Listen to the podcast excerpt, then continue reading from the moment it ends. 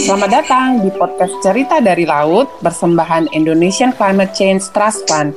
Podcast Cerita dari Laut, ruang berbagi informasi mengenai program pelestarian ekosistem laut dan pesisir di Indonesia.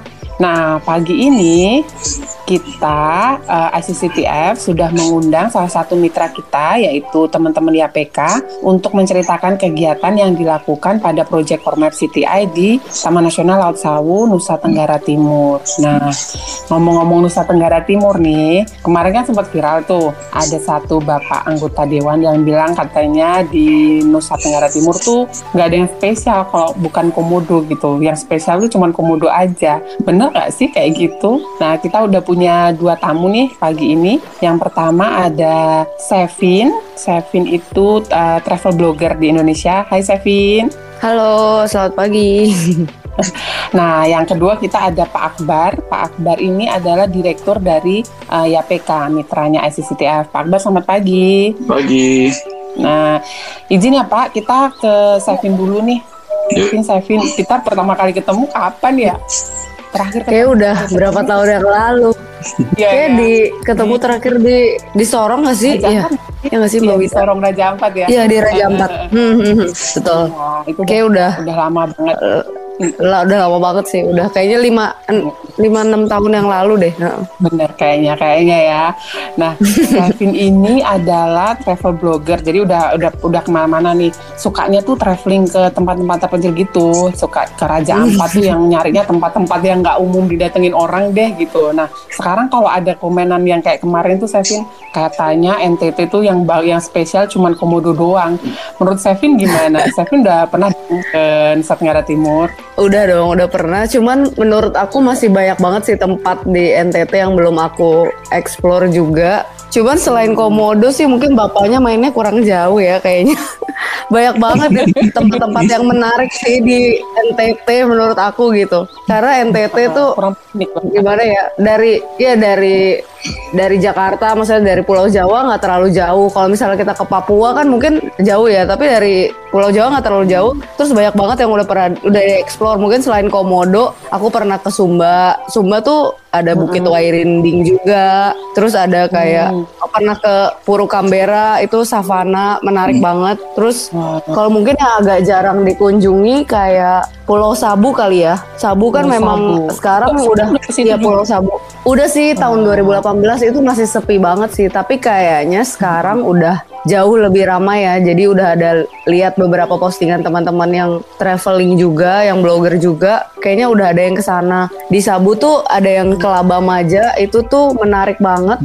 Mirip banyak Apa yang bilang uh, jadi bentuknya itu agak kayak bukit-bukit gitu, warna-warna warnanya tuh ada yang bilang mirip Kapadocia-nya Turki gitu loh. Kalau misalnya di foto bagus banget di Pulau Sabu. Terus ada juga bukit sana juga itu juga Mm-mm. Dari atas sana kita bisa lihat pemandangan Pulau Sabu itu bagus banget sih pantainya.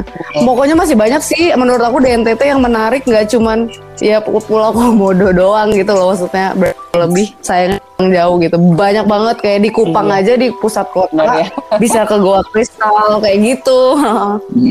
banyak ya sebenarnya ya. Nah, benar-benar banyak banget. Sebenarnya tuh itu kan Sevin ke sana tuh pada saat orang belum banyak kenal NTT selain Komodo gitu ya. Mm-hmm. apa sih yang bikin Sevin uh, tertarik untuk pergi ke ke lokasi-lokasi yang terpencil ke di Kupang sana di Nusa Tenggara Timur tuh apa gitu? Biar orang-orang juga terinspirasi. Oh ternyata menarik juga tuh untuk dieksplor gitu. Apa sih yang bikin mm-hmm. pengen ke sana tuh? Yang bikin pengen ke NTT mungkin pertama uh, karena perginya bareng teman-teman kali ya. Terus uh, teman-teman yang sering traveling bareng ke tempat-tempat yang belum pernah juga, ada yang sama-sama travel blogger, ada yang memang nggak cuman travel blogger doang, lo ada juga keluarga-keluarga, ada kayak ada kenal beberapa teman keluarga yang mungkin anaknya seumuran aku tapi orang tuanya tuh ternyata suka banget eksplor tempat-tempat yang jarang dikunjungi orang gitu. Jadi mereka tuh pengen lihat Indonesia. Jadi mereka bukan tipe orang tua yang mungkin travelingnya ke luar negeri. Mereka lebih suka eksplor Indonesia bagian-bagian yang belum pernah dieksplor jadi itu menarik banget sih bisa pergi bareng teman-teman. Terus gimana ya? Enak juga sih traveling ke tempat yang lebih sepi. Uh, mungkin kayak wah ini kita bisa nemuin hidden gemsnya Indonesia itu menarik sih gitu. Uh, kayak prestis nggak sih kalau kita Ih, oh, iya. sana kita udah duluan nih gitu ya. Iya, iya, bisa juga sih. iya betul. Nah, betul, Nah, itu itu poin buat teman-teman yang lain nih, traveler yang lain jangan cuma ke tempat-tempat yang udah umum gitu, jangan cuma jadi follower. Yeah, yeah. Sekali-kali nemuin dong gitu ya. Itu Pak Akbar kayak gitu Pak Akbar di di NTT tuh nggak cuma komodo doang Pak Pak Akbar udah pernah ke mana aja Pak di NTT Pak? Ah. ini kalau saya ini lebih jauh nih Pak Akbar mainnya udah lebih senior, cuman yang dicari beda sama kita. Hmm, Coba Pak ceritakan Pak. Iya, uh, eh, NTT saya ke NTT itu sejak 2015-an kali ya, 2014 oh, gitu. Lebih lama tuh saya. ya ke Sumba, kebanyakan ke Sumba, uh, dari Sumba Barat Daya, Sumba Barat, Sumba Tengah, Sumba Timur. Kebetulan saya travel di sekitar situ.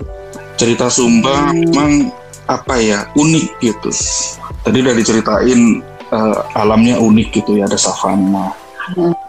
Kemudian di beberapa tempat gitu kayak misalnya di Sumba Barat Daya itu ada laguna gitu. Hmm. gitu. Jadi kayak apa ya dia laut tapi masuk ke dalam gitu jadi kayak oh, kolam renang pribadi gitu, gitu. Ya, ya? iya itu mm-hmm. ini alam banyak sekali yang itu Puru Canberra tadi bagus ya kemudian di beberapa tempat memang kita bisa melihat uh, paus lumba-lumba ini kalau dari sisi laut ya kita akan akan fokus di laut kemudian iya, iya.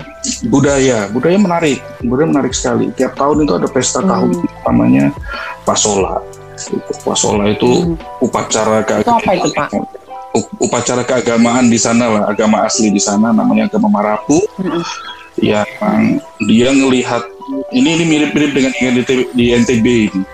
Jadi melihat mm-hmm. uh, uh, apa namanya uh, nyale, cacing nyale itu dilihat uh, oh. bagaimana dan itu digunakan untuk memprediksi meramal lah tahun ini akan bagaimana berdasarkan kondisi oh. dari cacingnya itu. Dari situ pagi-pagi oh. kemudian siangnya itu ada permainan uh, perang war game gitu, naik kuda rame-rame pura-pura perang antara dua kampung gitu. Menarik. Oh. Iya gitu. Saya udah pernah ikut nggak festival-festival itu? Belum nih, belum dapat kesempatan. Iya sama Pak Wah, harus sana lagi. mungkin jadi Pak ya iya nih mesti banget ke Sumba iya, banyak banget yang harus dieksplor bener iya. banyak banyak Sevin Sevin Pak Pak Akbar saya kembali ke Sevin lagi ya Uh, selama travel kemarin, Sevin kan sukanya travel ke tempat-tempat yang terpencil gitu ya, terutama di Nusa Tenggara Timur. Kira-kira selama jalan ke tahun uh, 2018, hmm. gimana sih kondisi perjalanannya di sana tuh? uh, apakah sudah ada cukup maksudnya nyaman nggak sih kalau kita pergi ke sana kan namanya juga orang liburan mm -hmm. ya ada yang mau backpacking mm -hmm. ada yang mau uh, liburannya mm -hmm. yang mm-hmm. enak gitu nah gimana bisa ceritain nggak gimana perjalanannya ke sana fasilitasnya mm-hmm. jalannya mm -hmm. terus ya selain pemandangan yang indah tadi gitu supporting supporting system untuk travel ke sana tuh gimana sih kondisinya mm -hmm. sekarang di sana gitu? mungkin uh, maksudnya kalau dibandingin sekarang aku nggak terlalu tahu ya. Cuman pas terakhir 2018 ke sana mungkin yang lebih ketara itu kayak di Pulau Sabu itu kan memang jarang dikunjungi turis. Maksudnya turis dari luar NTT mungkin. Jadi memang hotelnya juga terbatas listrik dan sinyal juga masih terbatas. Tapi mungkin sekarang udah jauh lebih baik ya gitu. Hmm. Pak gitu.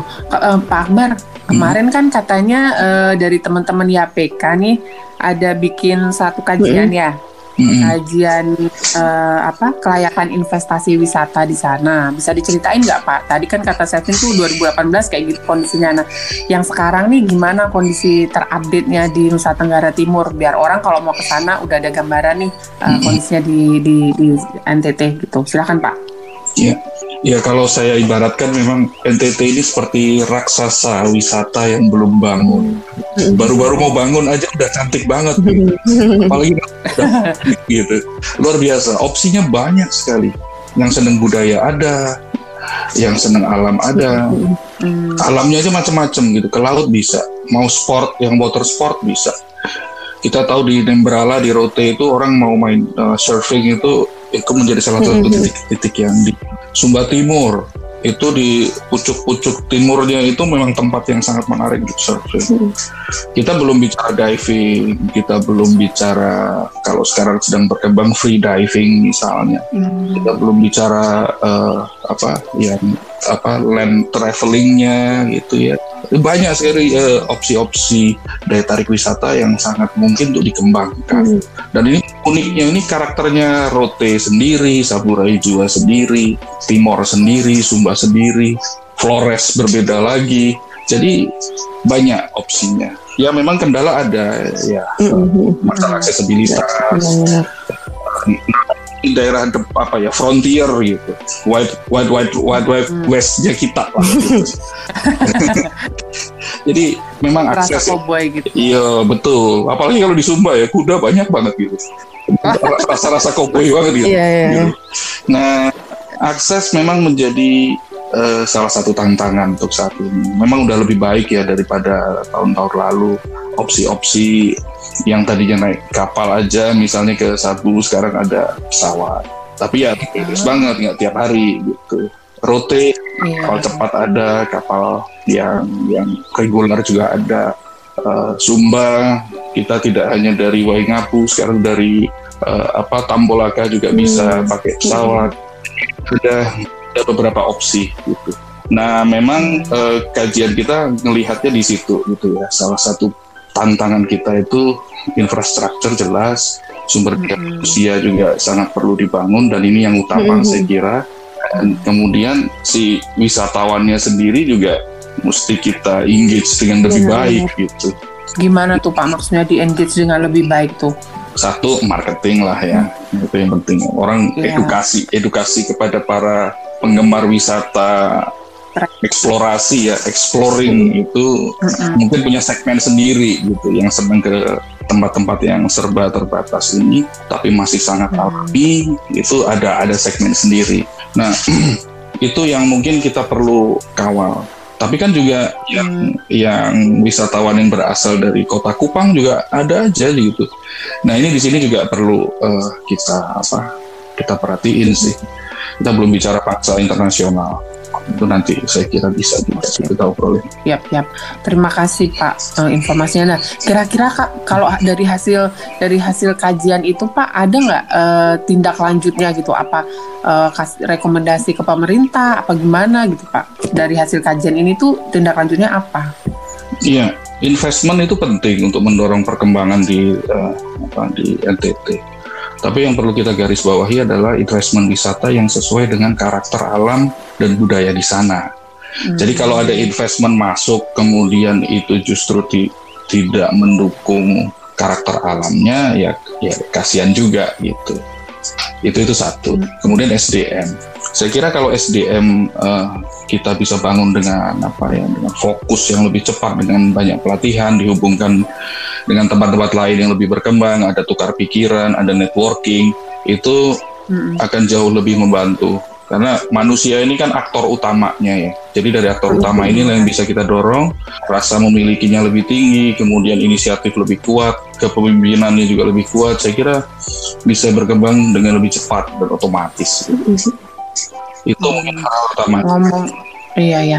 Ngomong-ngomong soal SDM, Sevin pas waktu kemarin ke sana dulu travel ke Nusa Tenggara Timur, ada nggak sih kayak eh, tra- apa local guide gitu atau Pakai kalian local guide sih, Mbak. sendiri Heeh. ke, ke Pasti soalnya lebih guide ya? eh, mudah Gimana? sih kalau pakai local guide. Jadi memang kita juga harus ada mungkin koneksi juga kali ya yang kenal orang yang di Sabu misalnya. Kalau enggak kita sendiri juga bingung karena misalnya kita nyasar nih di Sabu itu juga ngalamin misalnya nyasar hanya jalan terus misalnya mau pakai Google Maps nggak bisa karena sinyalnya di sana masih jelek. Itu juga bahkan ada orang-orang Iya, lokal yang iya. nggak tahu lokasinya di mana gitu. Bahkan orang lokal di sana aja nggak tahu loh gitu. Hmm. Menurut aku itu juga sayang banget. Gitu sih. Ah. gimana ceritanya tuh orang lokal? Orang lokal aja nggak tahu Mungkin karena ada lokal guide yang bawa kita sih, maksudnya yang ngajak kita. Tapi mungkin lokal guide-nya juga kan ada dua mobil gitu misalnya. Terus misalnya kita ada yang kepisah kan kadang kayak ada jalan-jalan yang misalnya wah ini ke mana nih? Tapi Google Maps nggak bisa diandalkan juga. Jadi memang ya tricky sih. Tapi memang mungkin uh, pemerintah lokal juga bisa bantu dengan bikin kayak pelatihan untuk orang-orang uh, lokal di sana warga lokal. Gimana sih tempat-tempat wisatanya? Itu juga bakalan membantu banget sih. Karena aku yakin banget kalau misal begitu udah terekspos orang-orang udah tahu orang-orang pasti era Indonesia kan maunya siapa cepat dia dapat ya. Jadi mereka dulu duluan gue nih yang pertama ke sana pasti mereka punya rasa bangga juga kalau bisa eksplor ke tempat-tempat yang belum pernah dikunjungi gitu Iya bener. Sekarang tuh lagi lagi hmm. banget tuh kayaknya Sumba ya. Banyak pak artis-artis yang uh, datang ke Sumba. Mm-hmm, iya benar-benar banyak banget. Nah, sama Sevin udah duluan dong, udah koleksi foto udah lebih lengkap oh, ya, iya. sih ya kayaknya. gitu. Nah, apa uh, apa lagi yang kita mau ngobrolin ya kira-kira? Tindak lanjut udah, uh, rekomendasi ke pemerintah udah.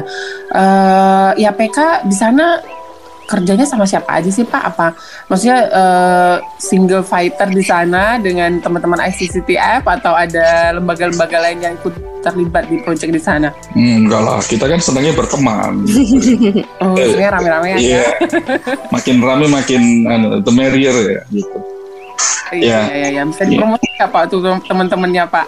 iya dong, iya. Kita ya, PK tidak sendirian mengerjakan uh, ICCTF ini. Kita ada uh, Indonesian Ocean Pride, kemudian ada Yayasan Penabulu, dan kemudian hmm. ada teman-teman dari IPB dari Pusat Kajian Keberlanjutan dan Transdisiplin. Nah, pusat kajian tadi tuh Mbak yang leading untuk uh, apa uh, studi-studi atau kajian itu.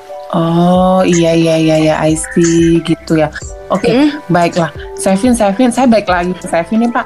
Kira-kira nih kalau buat yang sekarang ini teman-teman mau travel ke NTT mm. atau ke daerah-daerah terpencil di di mana pun gitu, ada nggak tips-tipsnya gitu biar nggak takut tuh kalau mau pergi traveling sendiri tuh nggak rasa insecure gitu dengan diri dia atau ke tempat yang mm -hmm. remote tuh biar aman mungkin kan? bisa ini sih banyak-banyak research juga sih sama mungkin bisa pergi ke tempat yang dia kenal sama orang atau mungkin nggak usah malu bertanya juga kadang kan ada travel blogger mungkin kalau misal aku uh, ngepost gitu kadang juga ada yang DM gimana sih caranya ke sini gitu biasanya uh, kita mau kok sharing uh, maksudnya spesifiknya gimana terus misal lokal guide yang bisa direkomendasikan siapa karena itu menurut aku jadi lebih mudah sih daripada nyoba-nyoba sendiri terus susah sendiri kecewa sendiri kan mendingan dari awal kita persiapkan dengan matang gitu itu akan sangat mempermudah sih apalagi kayak misalnya ke Sumba Sumba sekarang menurut aku mungkin aksesnya kalau lihat dari foto teman-teman gampang banget sih ke sana karena aku ke Sumba itu 2016 jadi banget nggak ke sana gitu. Wah. Yap, yap, yap, yap. Oke, oke. Kalau Pak Akbar sendiri Pak yang recently sering ke Nusa Tenggara Timur, kira-kira ada tips-tips nggak Pak buat kita yang mau ke sana Pak? Ya tadi research penting ya. Mm-hmm. Uh, Sevin juga udah sebutin tadi. Saya kira itu penting. Uh, berkawan, ya, sekali lagi berkawan itu penting. Networking gitu ya. Tanya gitu. Tanya kan bagian dari berkawan. Dan respect kepada local culture itu itu penting gitu ya. Mungkin kita harus bagian dari research kita itu untuk melihat kebiasaan lokal gimana. Nah, karena kadang hmm perbedaan menanggapi suatu apa uh, topik itu uh, itu adalah bagian dari keberagaman culture gitu. Jadi saya kira di situlah cantiknya budaya yang bisa bercampur ketika ada wisata, tapi tadi syaratnya ada respect di antara wisatawan dan uh, apa namanya uh, tuan rumahnya Lokal. gitu. Iya. Iya, iya, iya, ya, oke. Okay poin yang bagus banget tuh Pak. Sering hmm. banget kan kita lihat uh, kayak traveler-traveler gitu yang apa yang enggak hmm. cukup responsibel ya kayak mereka hmm. datang ke satu tempat uh, karena merasa yeah, yeah, yeah, bayar yeah. jadi seenaknya gitu ya yeah. di satu lokasi. Ya. Oh satu lagi nih. Itu nambahin boleh kan? Iya boleh boleh silakan. Hmm. Kadang banyak tempat wisata alam itu rusaknya itu oleh wisatawan sendiri gitu nyampah gitu gitu loh.